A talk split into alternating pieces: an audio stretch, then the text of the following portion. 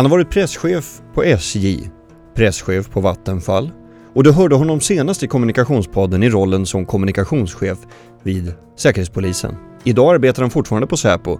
Om vad vet dock ingen utom han själv. Och han är här idag för att han debuterat som romanförfattare om en man som suttit i koncentrationsläger, i sovjetiskt fängelse, som stridit mot nazister och som ingick i den ungerska revolutionen. En man som också var hans far. Välkommen till Kommunikationspodden, Mark Vaddas. Tack ska du ha Max, kul att vara här igen. Ja, det var två år sedan sist. Just det. och då kommer jag ihåg att jag hade släppt min första bok, eh, Blodfett och dårar, som handlar om en kontraktsmördare som går på pappaledighet. Och så Just hade vi haft ett eh, releaseparty här.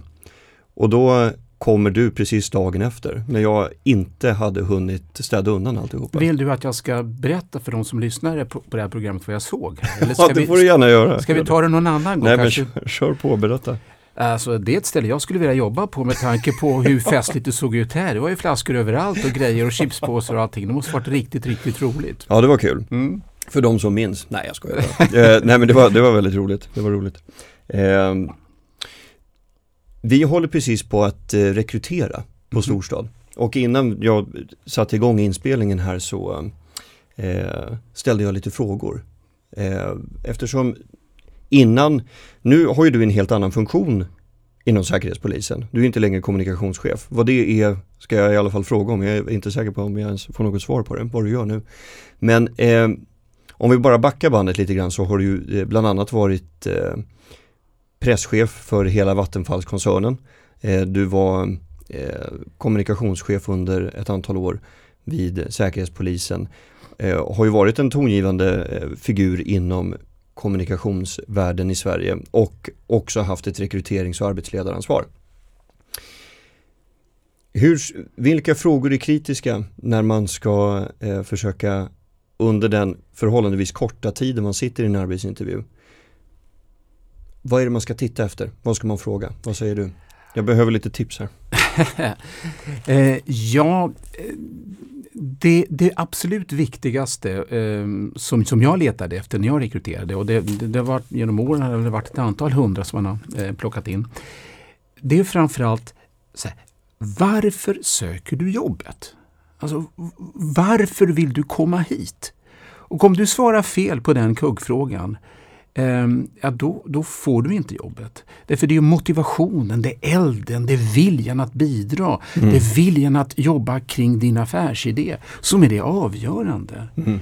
Nu vet jag inte om jag ska ge rekryteringstips till de som lyssnar här. Jo, det får du gärna göra. Okay. Det behövs ju alltid. Ja, det behövs alltid. Ja.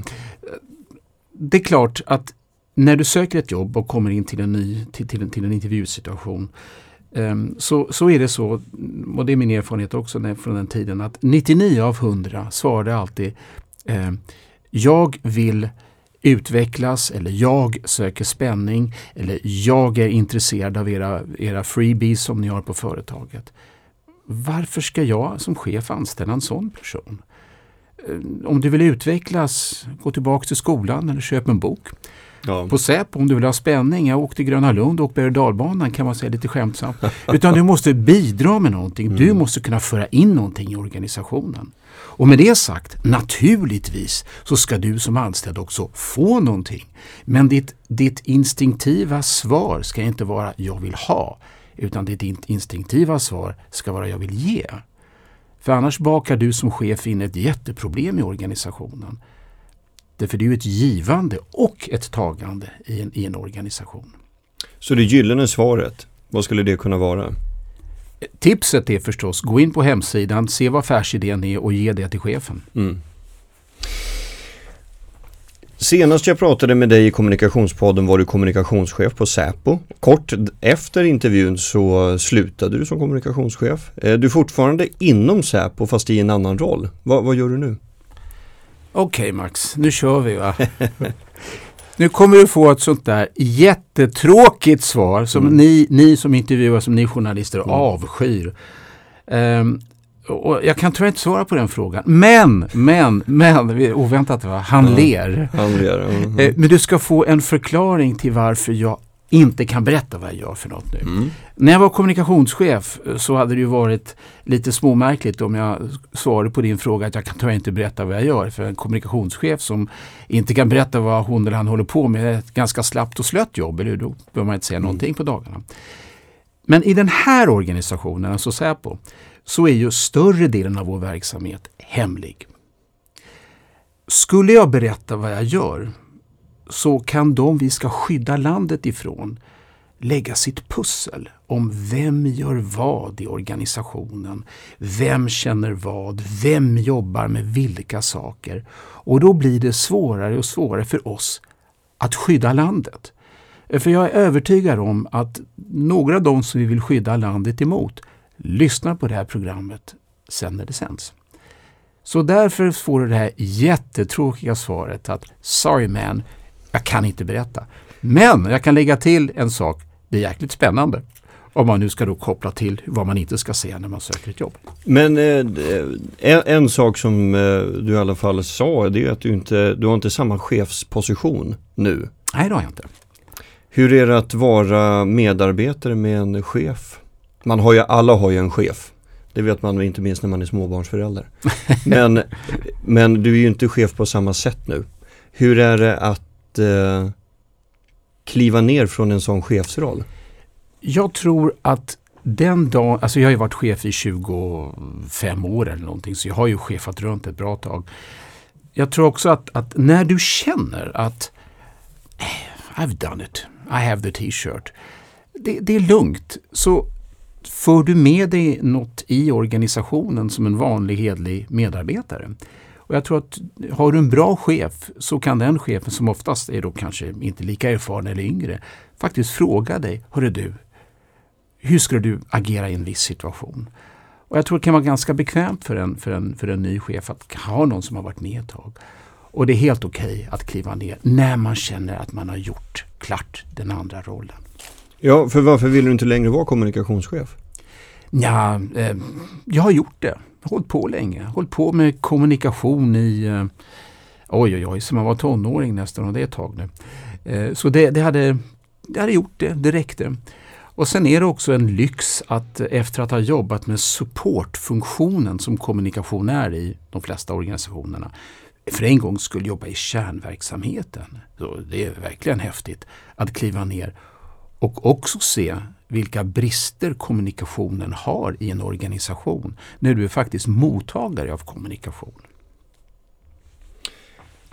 Och eh, vad, vad, kan det finnas då för brister? Eh, när man jobbar i kärnverksamhet? Ja, alltså tyvärr är det så att många kommunikationsavdelningar eller enheter jobbar så väldigt mycket internt med, sin, med sitt arbete naturligtvis. Och man tror oftast att internkommunikationen framförallt kaskaderar ner i organisationen. Man tror att det fungerar väldigt bra. Men till syvende och sist så hänger det på din närmsta chef. Om den personen är kommunikativ, om den personen för organisationens budskap vidare till dig som enkel anställd. Och där brister det ofta och mycket. Och varför gör det det? Jo, det är för de högre cheferna följer inte upp mellancheferna på kommunikativ förmåga. Jag var inhyrd konsult för ett år sedan i en väldigt stor organisation med eh, Ja, det, det, det i sig självt var en beställarorganisation eller är en beställarorganisation med eh, i sin tur, hela verksamheten berör tiotusentals medarbetare. Och där var jag kommunikationskonsult och eh, precis som du säger där så var enhetschefer, avdelningschefer de viktigaste kommunikationsgivarna ut i linjen så att säga. Um, hur är man en bra stödfunktion kommunikativt för sådana enhets och avdelningschefer skulle du säga? What's in it for me?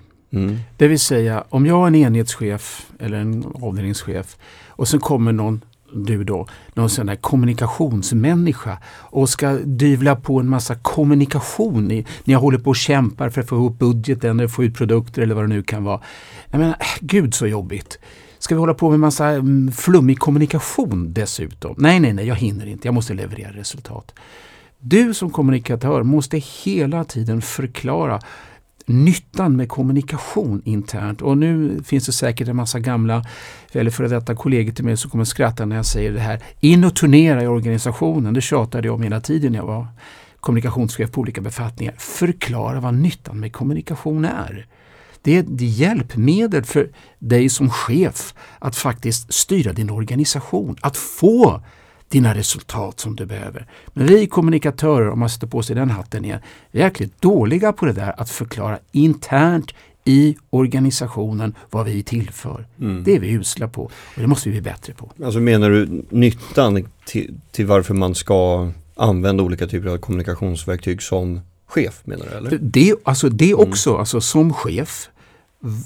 På vilket sätt kan jag bli en bättre chef genom att tänka kommunikativt?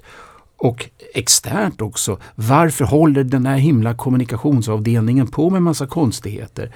Men förklara! Och det räcker inte med att säga att det står på intranätet, utan du måste ju få din chef att bli en kommunikativ ledare. Och de chefer som upptäcker det, de inser vilket fint verktyg det är och de blir betydligt bättre chefer.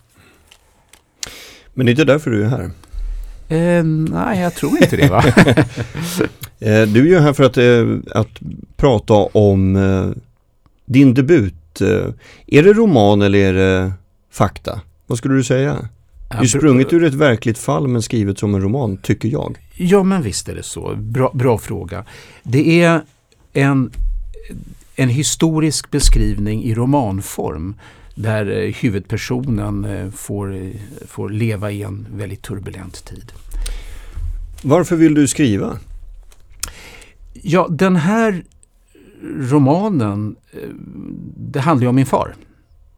Det handlar om, och det är en sann berättelse, det handlar om en del av hans liv. Det handlar om 12 år i hans liv från 1945 till 1957. Um, du får klippa det här sen, för det finns en risk att det blir långt. det går bra. Vi har bara pratat i 11 minuter och 42 sekunder, så ja, det går bra. Så. Ja, ja, ja. Um, Eh, huvudpersonen eh, satt i koncentrationsläger efter, eh, under, under ett år. Och sen, eh, han var också officer under kriget. Han var motståndsman innan kriget. Han kom från Ungern. Och eh, den här personen han vandrar tillbaks eh, till, till Ungern och får uppleva en sovjetisering av Ungern. Han är med i motståndsrörelsen mot, mot den ryska ockupationen och med och startar eh, ungerska revolutionen. Och sen blir han dödsdömd och det händer en massa saker i, i den här berättelsen. Lite kort bakgrund om varför jag skrev.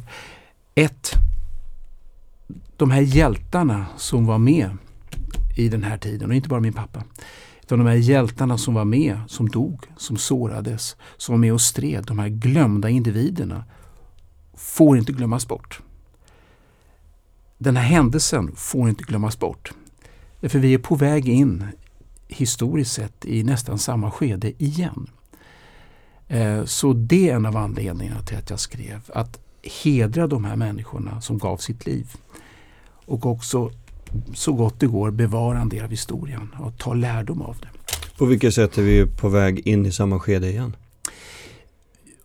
Vi lever tyvärr i en period med despotiska ledare runt omkring i världen. Vi lever i en period där demokratin ifrågasätts.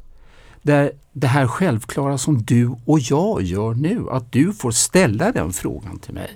Att du får ställa frågan, hörru Mark, vad gör du på Säpo? Jag menar, öppna upp en världskarta och titta. Hur många länder är det okej okay att du och jag sitter här och pratar på det här sättet? Inte många. Jag skulle våga påstå att flertalet länder i världen idag har regimer där detta som du och jag gör nu inte är tillåtet. Och vi är på väg in i det, i, i, den, i den, det skedet i världen igen där demokratin ifrågasätts, där du som journalist ifrågasätts. Där det fria ordet krymps och ifrågasätts.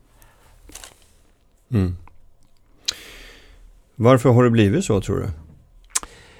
Ja du, eh, jag tror att det beror väl... Mm, alltså, jag tänker att du, du måste ju ha reflekterat över det i samband med att du skrev boken. Ja, ja, oh ja eh, verkligen. Det, det var ju något som återkom hela tiden tyvärr är det så att pendeln svänger. Titta historiskt. Va? Pendeln svänger från frihet till ofrihet, fram och tillbaka. Nu är vi tyvärr på väg eh, ifrån frihetsdelen. Nu låter det kanske väldigt alarmistiskt men man kanske ska lyssna på de här människorna som är i 90-årsåldern, 95, eh, de få som är kvar, som var med under den här tiden, som, som varnar. Se upp, vi, ni är på väg in, tillbaka igen.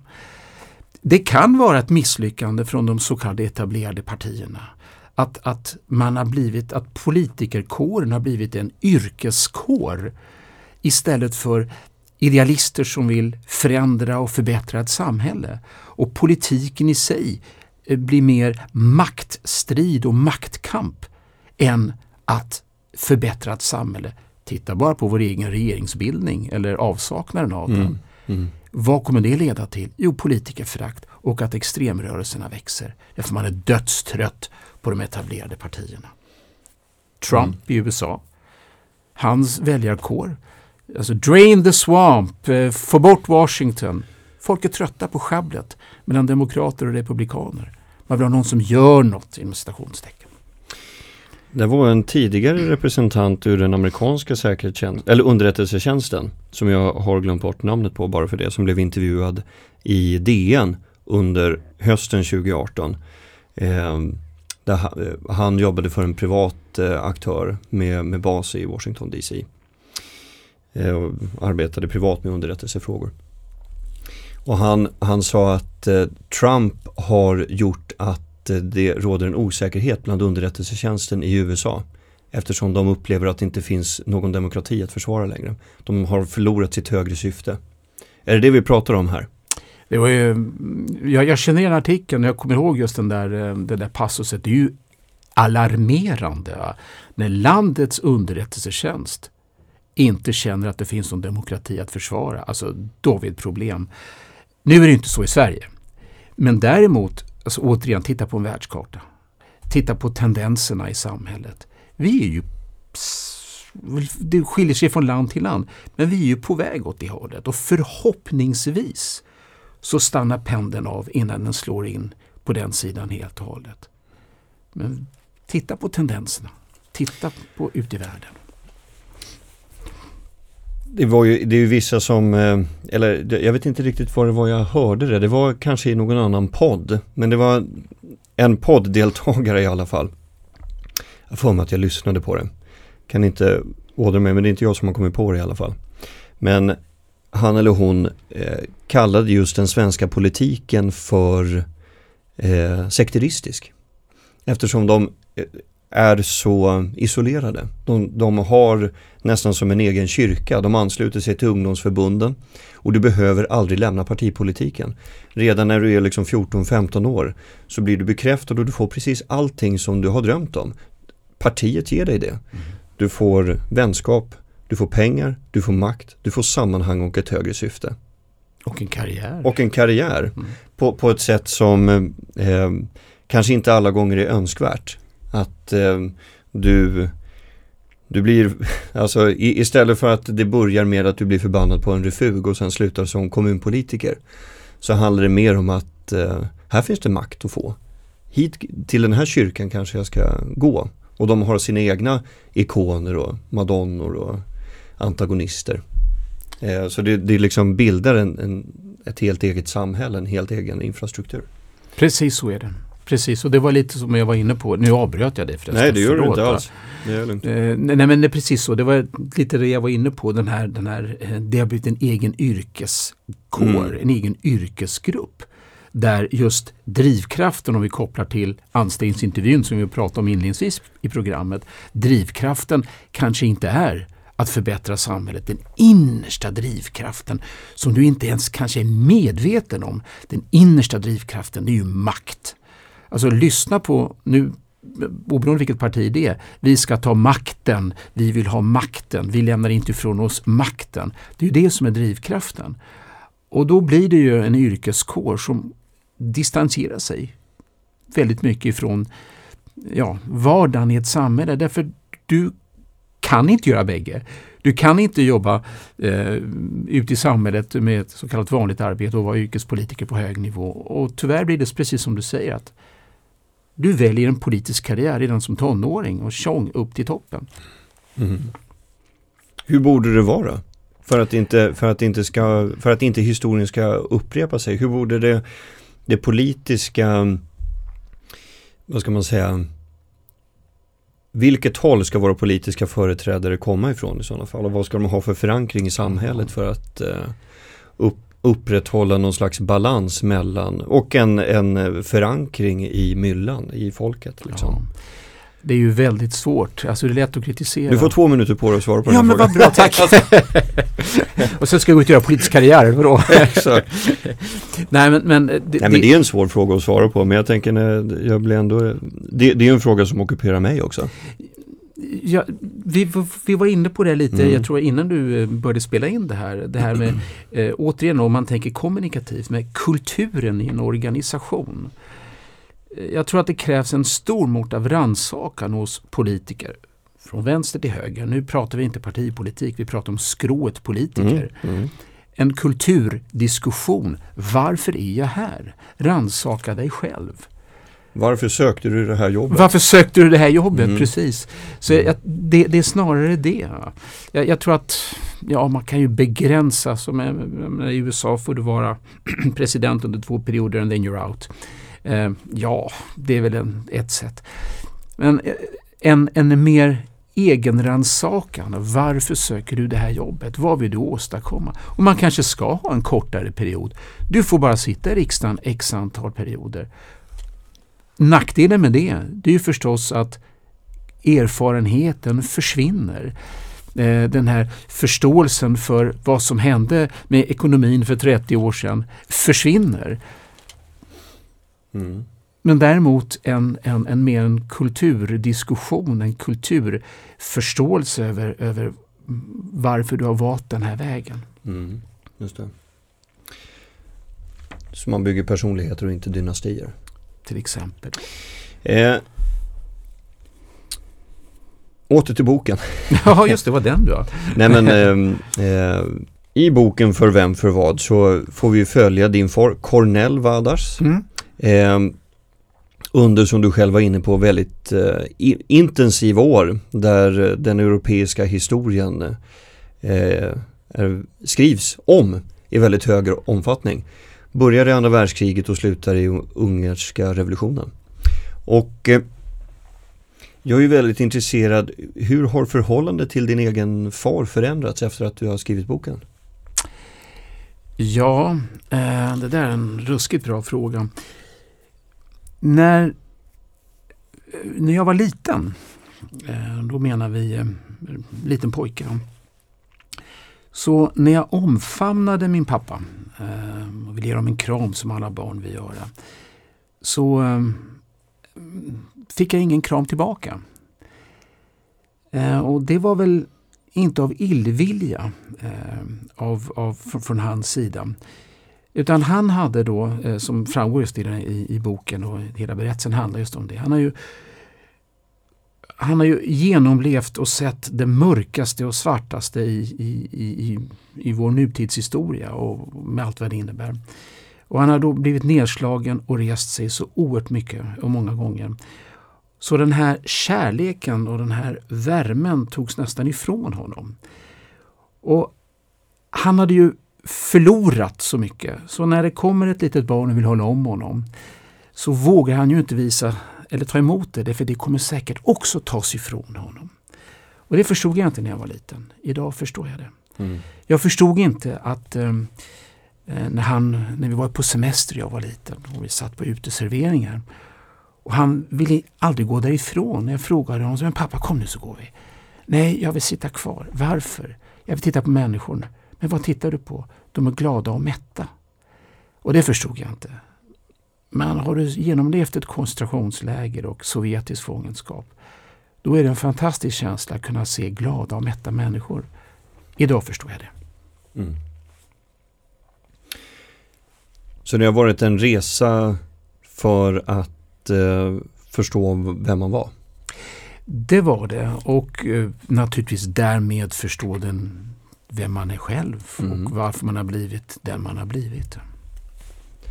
Och eh, svaren som har kommit, hur, hur, hur känns de då? Naturligtvis både befriande Därför man förstår, man får en förståelse. Men också ganska tungt. Eh, han hade nog inte ett sånt trevligt liv. Eh, och det är ju naturligtvis smärtsamt för ett barn att känna att en av föräldrarna hade det väldigt tungt. Å ena sidan. Å andra sidan. Budskapet är res dig upp. Gång på gång på gång. Oberoende hur mycket stryk du får. Och med stryk menar jag inte fysiskt våld bara. Och det är ett fantastiskt bra budskap. Eh, för du har ju två val. Antingen ligger du kvar och går under. Eller så reser du upp och slåss. Och det är det, det, är det som är huvudbudskapet i, i, huvudbudskapet i boken. Res dig upp oberoende av hur många gånger du blir nedslagen.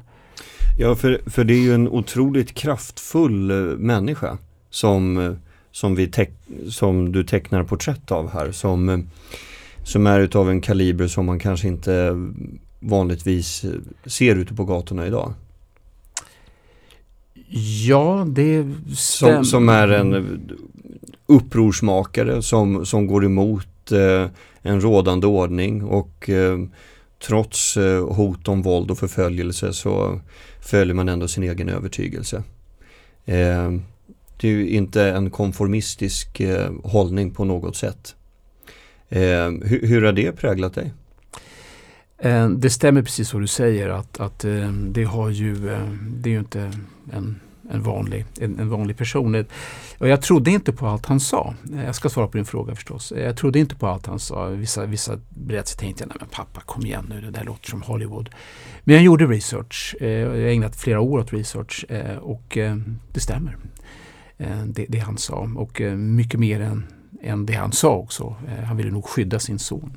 Vilka, förlåt om jag mm. bara bryter av det där, men vilka utav de här berättelserna gav han till dig som du kände om du vill ge ett exempel på en sån historia som du trodde bara var Hollywood men som visade sig vara sann. Bara för att få en bild av vad ja, har varit visst. med om.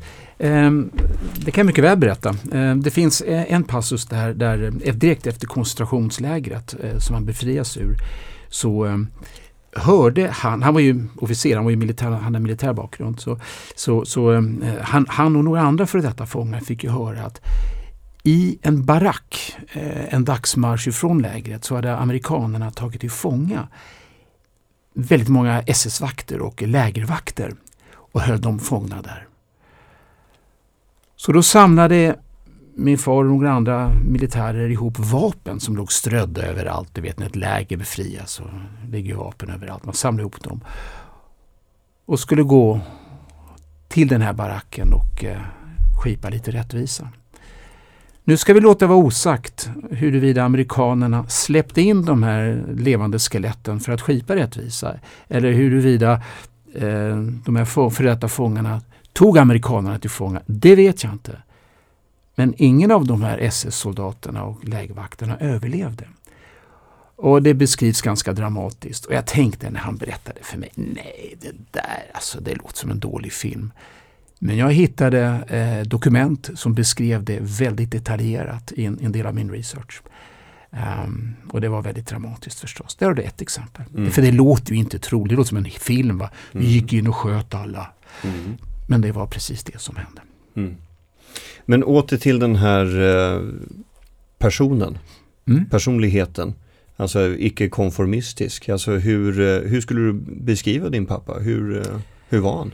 Ja, eh, han var ju dels det här med att inte kunna ta emot värme och kärlek, vilket han behövde. Men han kunde ge väldigt mycket. För han, ville ju, han hade ju sett botten av helvetet och ville då skydda sin familj från att uppleva något liknande. En väldigt givande person. Men det var en fighter av Guds nåde. Och den här fighting-känslan, och nu menar jag inte gatukämpen, för det var när jag var ung. Men, men eh, den här fighting-känslan, eh, den fanns med hela livet. Han fick stryk och reste sig, för det fanns inget alternativ. Och det präglade honom som människa in i det sista. Eh, när han var gammal också. Vad hade han själv för uppväxt? Han var ett oönskat barn. Han blev utkastad på gatan när han var ganska liten och fick ta hand om sig själv. Och fick lära sig den hårda vägen att överleva. Och eh, inge, jag blev medlem i motståndsrörelsen igen som tonåring emot, innan, innan andra världskriget emot den dåvarande eh, militärregimen som fanns i Ungern. Utspelar sig i Ungern förresten. Det har, inte, det har vi inte sagt. Nej, just det. Eh, och, eh, så, så, och han var med i motståndsrörelsen och sen så kom kriget med allt vad det innebar. Och det som vi precis har pratat om. Men han var oönskad och eh, överlevde. I boken har du valt att ange stycken med dialog. Mm. Eh, det är upplagt som en roman och handlar samtidigt om en riktig människa. Hur har du tänkt i utvecklingen av formatet? Nu drar jag på oss den gamla kommunikationshatten ett tag. Okej, okay? den är lite dammig men jag drar på mig den. Ja, det tycker jag inte. Du drar gärna på den. Ja, det är jättekul. Jag menar, vi är ju kommunikationspodden för all del. Så ja, absolut. Det är välkommet. Det bästa yrket som finns för övrigt. Ja, eh, var, varför, ehm, eh, varför skriva så? Ja, två orsaker. Ehm, det ena är ju att det handlar om människor. Människor pratar, människor känner, människor hatar, människor älskar, människor lever, människor dör. Och då måste du ha ett samtal.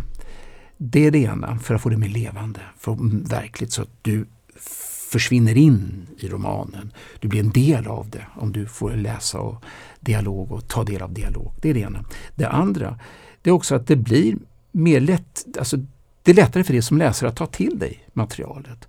Om det är ett samtal, en dialog som du kan känna igen. Så eh, jag valde den, eh, det sättet att, att skriva. Men blir det inte vanskligt också om man, om man gör så så kanske man återger en dialog som egentligen aldrig har ägt rum? Eller? Ja men visst är det så. Mm. Jag menar, eh, så är det när man skriver en sån här roman. att eh, Varenda rad i boken är ju inte så att säga inom stationstecken sann. För jag vet ju inte vilket, nej, så här, han klev ut ur en port och gick åt höger. Eh, hur vet jag det? Eh, det vet man ju inte. Så man får ju bygga en roman kring ett skelett som han fick. Eh, ta den här incidenten om baracken som vi pratade om tidigare. Jag vet delar av vad som hände med varje steg och vilka individer som exakt var med och hur vädret var. Det vet man ju inte, det får man ju bygga i romanform. Men skelettet får du ju, som du får bygga kring. I och med Storytels intåg på marknaden samt Bookbeat, Nextory med flera så har ju också bokformaten utvecklats. Eh, det finns fler dramatiseringar idag bland litterära verk där gränserna mellan te teater eller radioteater kanske och litteratur ibland blir ganska sömlösa. Varför tror du att vi befinner oss i en sån epok just nu? Bra. En, för, för en av dina bra frågor Max. Ja, ja visst, jag är full av sådana. jag märker det. Mm. jo, eh, det är klart att eh, det är ju så att, att eh, ehm, vi befinner oss i en förändrad eh, del av, av, av eh, i vårt samhälle som vi onekligen berört nu. Att man går kanske ifrån de här klassiska böckerna där man sitter i soffan med en cigarr och en konjak och ägnar fyra timmar åt att läsa. Gud vad härligt. Visst är det underbart va? Vad har du konjaken Ja förresten? exakt, var tog den vägen? Vi har bara Arvid Nordqvist mellanrostat här. Eh, jag tror jag går. Ja exakt, jag har den intervjun över. ja. ja, jo men precis det var då ja, att man, man, man kunde ta sig den tiden. Jag, jag, ja. tr jag tror att det är en så mm. pass mm. enkel förklaring. Va? Att, mm. att, att um, tiden finns inte, samhället har blivit snabbare. Du kan sitta och lyssna på en bra roman när du sitter och kör din bil eller åker tunnelbana eller sitter på bussen eller är ute och springer eller vad det nu är. För att hinna med. Och den spontana reaktionen är kanske, men gud det är så dåligt, varför kan vi inte läsa? Ja, det är lite förlegat att säga så. Den positiva delen är ju, men vad underbart! Fler människor kan ta till sig kultur, litteratur, böcker, vad det nu är för något. Det är för du kan göra två saker samtidigt. Alltså inte du och jag. Vi kan nog bara göra en sak samtidigt. Ja, jag kan knappt sitta ner och prata samtidigt. Nej men det är ju jättesvårt. men men eh, andra klarar av det och det ges ju tid till det. Vilket är bra egentligen. Mm. Du är tidigare kommunikationschef för Säkerhetspolisen, arbetat med kommunikation på flera platser innan det. Jag kommer att tänka på varumärken också. Dess styrka och vilka konnotationer som väcks när man hör vissa ord, tänker på vissa företeelser, fenomen och människor. Vad innebär ordet pappa för dig? Kärlek. Eh, det innebär att ge i första hand. Om vi återigen kopplar till hur vi inledde det här samtalet med en anställningsintervju, att ge. Va? Eh, det, det, det, det är det första man tänker på. Eh, någon som ger, någon som skyddar. någon som, som, som Eh, finns lite eh, kravlöst vid din sida eh, och ger. Det är kort. Jag, jag tänker när, när, eh, när man läser om eh, Cornell, din far, och alla vedermödor han har gått igenom. Kan det inte kännas nu, nu gör jag ett antagande som du gärna får ifrågasätta och dementera, men om man ska jämföra pappas yrkesval med ens eget så är väl allting andefattigt som inte är precis det som han själv har gjort. Eller? Jag jobbar ju på Säpo. För all del. Hur, hur, är, det, är, är, är det skälet till varför du jobbar på Säpo? Att du har valt en bana du har valt? Eh, ja, eh, så är det. Eh, så är det. Men eh, man kan säga så här, va? vi kommunikatörer, vad är vi för något om inte frontsoldater? Som ska hela tiden strida internt för det som vi vet är rätt externt. Som hela tiden ska strida externt för det som vi vet är rätt också. Sälja, berätta, eh, eh, ifrågasätta. Det är ju en ständig uppförsbacke, det vet ju alla som, är, som är, jobbar med kommunikation. Um, och, och um, det är ju att vara en fighter, en bra kommunikatör. Det, det måste du vara. Uh, så det, det, finns ju den delen också. Och um, Självklart att, att, att jag på Säpo, det är återigen lite som vi var inne på tidigare, det är inte en självklarhet att du och jag får sitta här. Och demokratin måste värnas varenda dag. Om jag till dig, om jag hade sagt till dig 1975 då du var väldigt ung. ja, min pappa var väldigt ung. Min pappa var väldigt ung. Mm. Eh, om jag har sagt er då när, när, när den nynazistiska rörelsen i Sverige bestod av en handfull dårar i Strängnäs som hette Nordiska rikspartiet. Att 40 år senare så skulle 700 uniformerade nynazister demonstrera på första maj i Borlänge. Då hade du förmodligen tyckt att jag var helt nuts. Mm. Vad hände? Vi måste värna demokratin. Mm. Vi måste tänka på det. Och det gör kommunikatörer. Och det gör vi ju på det jag jobbar idag. Ja, och jag menar NMR har ju påverkat, deras närvaro i eh, Almedalen förra året har ju påverkat hela varumärket Almedalen. Ja, visst. Det har ju skakat om eh, eh, folks eh, incitament till att överhuvudtaget vilja delta. Ja, visst. Tystare samtalet lägger locket på. Ja, visst. Och då kan man koppla till politiker som vi pratade om här för ett tag sedan. Var fanns ni då? Mm. Ehm, och fattade, vågade kliva ur er yrkesroll som eh, politiker och egentligen slå näven i bordet och fatta beslut. Var fanns den ryggraden? Var fanns det kuraget? Jag saknar det fortfarande. Alltså, jag, jag tänker med, med tanke på vilket sammanhang du har växt upp i så måste ju hela världen te sig som överbefolkad utav massa syltryggar bara. Eller? ja, jag, jag, tror att, att, att vi är eh, vår generation, eh, din och min. Eh, du är ju äldre än vad jag är. Eller hur var det nu? Ja, vi låter det vara osagt. Vi låter det vara osagt. Ja. vi har, har det förbaskat bra. vi har vuxit upp i en underbar tidsepok i den här, den här lilla sekunden i världens historia där vi har haft det väldigt, väldigt bra jag tror vi är ganska naiva på grund av att vi haft det väldigt bra. Eh, jag tror tyvärr att vi kan vara lite naiva i Sverige. Vi har inte haft något krig på det, 200 år, 200, drygt 200 år. Mm. Nu säger jag inte att krig är bra, det för det är det värsta som finns. Ja, det är det värsta som finns. Mm. Ehm, men ett krig eh, skapar också en medvetenhet över risker och hot som, som kan komma. Och vi är naiva. Hur tar det sig uttryck bland eh, befolkningen då? Naiviteten? Ja, återigen, ta ditt exempel med Almedalen. Hur, hur, hur kan det tillåtas? Hur kan det tillåtas? Mm. Ja, men gör något. Mm. Ni som faktiskt vill ha makten för att göra något. Ja, men nu har ni en fantastisk chans. Slå näven i bordet, gör något. Det är inte en sån stor fråga. Ha lite kurage. Det är mycket dialog, filmiska cliffhangers och obesvarade frågor som hänger i luften mellan kapitlen. Har du sett framför dig att det ska bli film av den här boken? Vet du, det är jätteintressant att du säger det. ja. Därför, nej, jag har inget filmkontrakt. Nej, nej, men den, boken har precis kommit ut. Mm. Eh, eh, nu i dagarna faktiskt. Eh, men de som har läst eh, delar av det säger precis samma sak. Men det här är ju en film. Det här är ju en film. Så om du vill producera den så fine. du har ju av lätt insedda skäl som vi har hört nu under det här avsnittet ett stort engagemang kring extrema politiska åsikter. Hur tycker du att motståndsrörelser för, idéer för sådana extrema idéer funkar idag i Sverige? Jag tycker att ni journalister, om jag får kalla dig för det, eh, gör ett fantastiskt bra jobb. Jag tycker att eh, de här ideella organisationerna som, som har koll på vänster-höger extremister gör ett fantastiskt bra jobb. Heder åt dem framförallt inom mediavärlden som har kurage att stå där med, med, med ansikt, med bild och eh, namn och bli uthängd och hotad och faktiskt mördad. Eh, mördade, eh, det hände ju eh, tidigare. Ehm, och misshandlad etc. Heder, kurage, fantastiskt.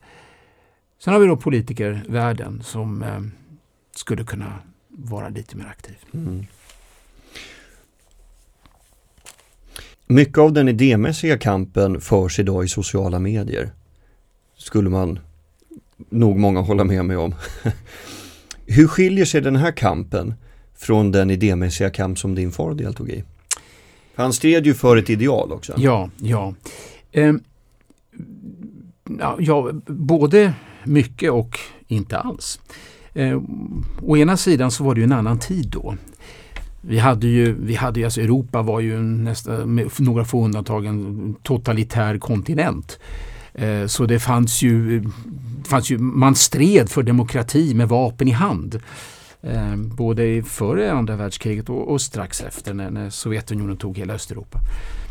Eh, så, så, så, den kampen fanns, den idealismen fanns. Det fanns ju verkligen ett, ett, ett, ett, eh, något att strida emot och för, för de strider mot varandra. Idag eh, förs ju samma eh, kamp också i sociala medier. Vi har inte kommit dit än då vi måste, eh, då, då, då, då vår demokrati är hotad med vapen. Så det här är väl, upp, det här är väl uppladdningen så att säga. Um, förhoppningsvis inte naturligtvis. Och det är klart att sociala medier når ju mycket mer folk. Eh, det påverkar mycket mer på ett annat sätt. Det kan skapa debatter på ett helt annat sätt. Ehm, det, det, det, kan, det kan skapa tvivel för demokratin när rykten sprids. Det ser vi ju ehm, väldigt ofta med, med, med desinformationskampanjer som, som sker, eh, har skett under valrörelser i Frankrike, i Tyskland, även i USA etc. Så det är väl eh, en, en, en, en annan typ av strid.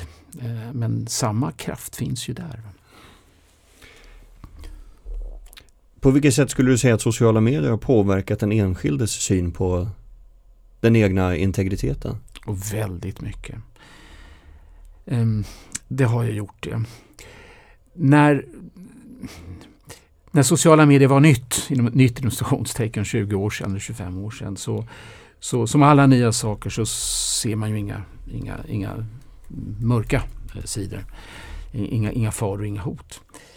Ehm, genom att människor eh, har ett, ett väldigt stort eh, exponeringsbehov med olika sociala kanaler inom sociala medier så ökar naturligtvis hotet mot dig själv som individ. Jag tänker främst på, på eh, unga tjejer som hängs ut på nätet. Något fruktansvärt. Ja.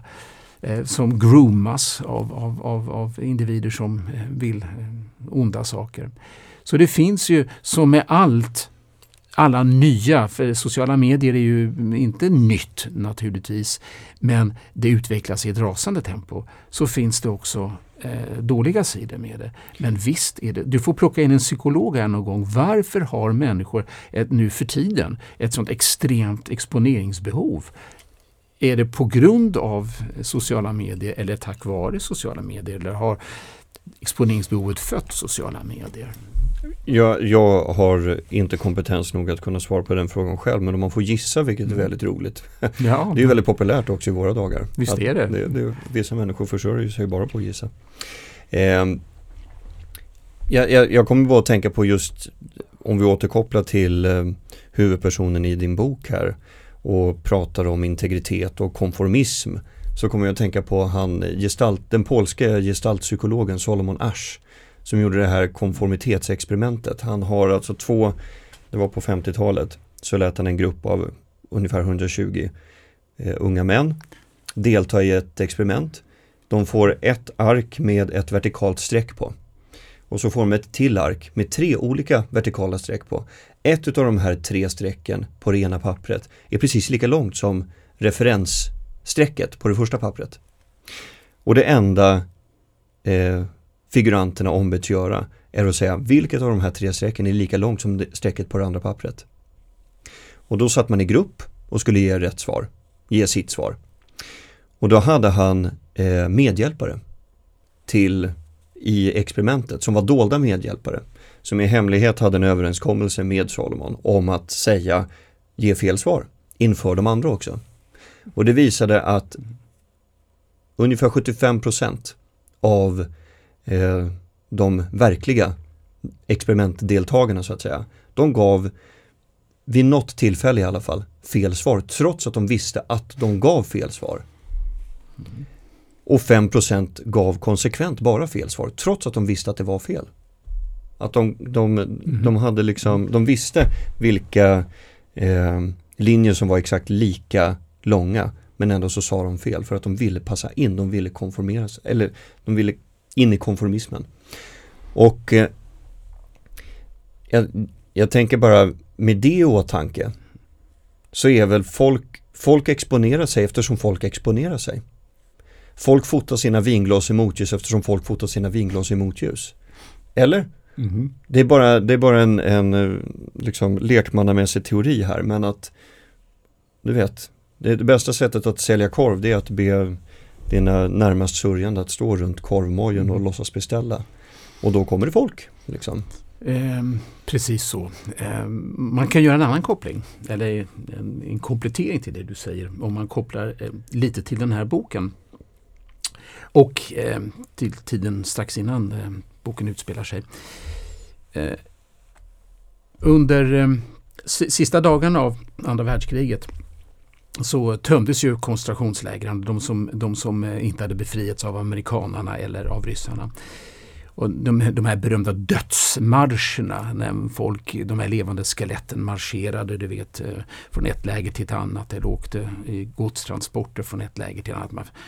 Samma, samma, samma takt som tredje riket eh, krympte så flyttades de här stackarna runt.